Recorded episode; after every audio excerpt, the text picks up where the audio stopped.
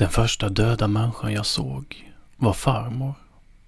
Hennes kista stod i ett kapell, öppnad som en bok på sista sidan. Jag vet inte varför jag var ensam i kapellet.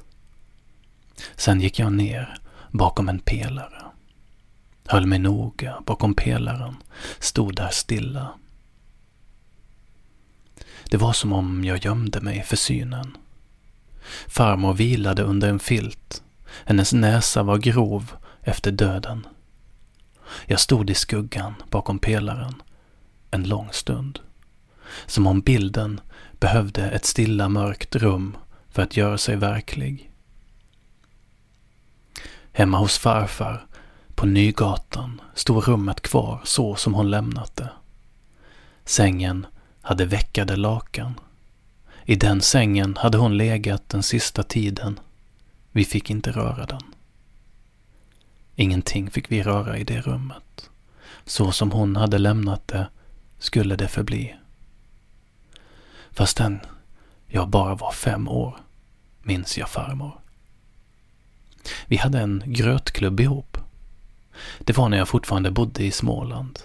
Vi hälsade på hos farmor och farfar i landskapet utan solnedgång. Hon var uppe tidigt på morgonen och kokade gröt. Jag satt i hennes knä. Hon höll paketet med havregryn i handen. Jag sa Läs för mig farmor. Hon läste. Och varje gång hon hade läst färdigt sa jag det igen. Läs igen farmor. Det är ett av mina tydligaste minnen. De orden hon läste. Axa havregryn med äpple och kanel. Läs igen farmor.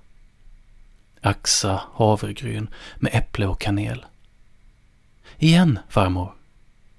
Axa havregryn med äpple och kanel. Läs igen farmor. Sen flyttade farfar till Kåge två mil bort. Det var ett litet tegelhus. Det luktade rökning där. Han rökte cigaretter utan filter. Han satt i sin gungstol i köket. Han log ofta när han såg oss barn. Han försökte skrämma oss, som om han skulle flyga på oss. Han ryckte till i kroppen, som skulle han flyga ur gungstolen. Men han hade så dålig kondition. Det märktes när han försökte ta sig upp när han gick omkring på golvet. Han andades så tungt.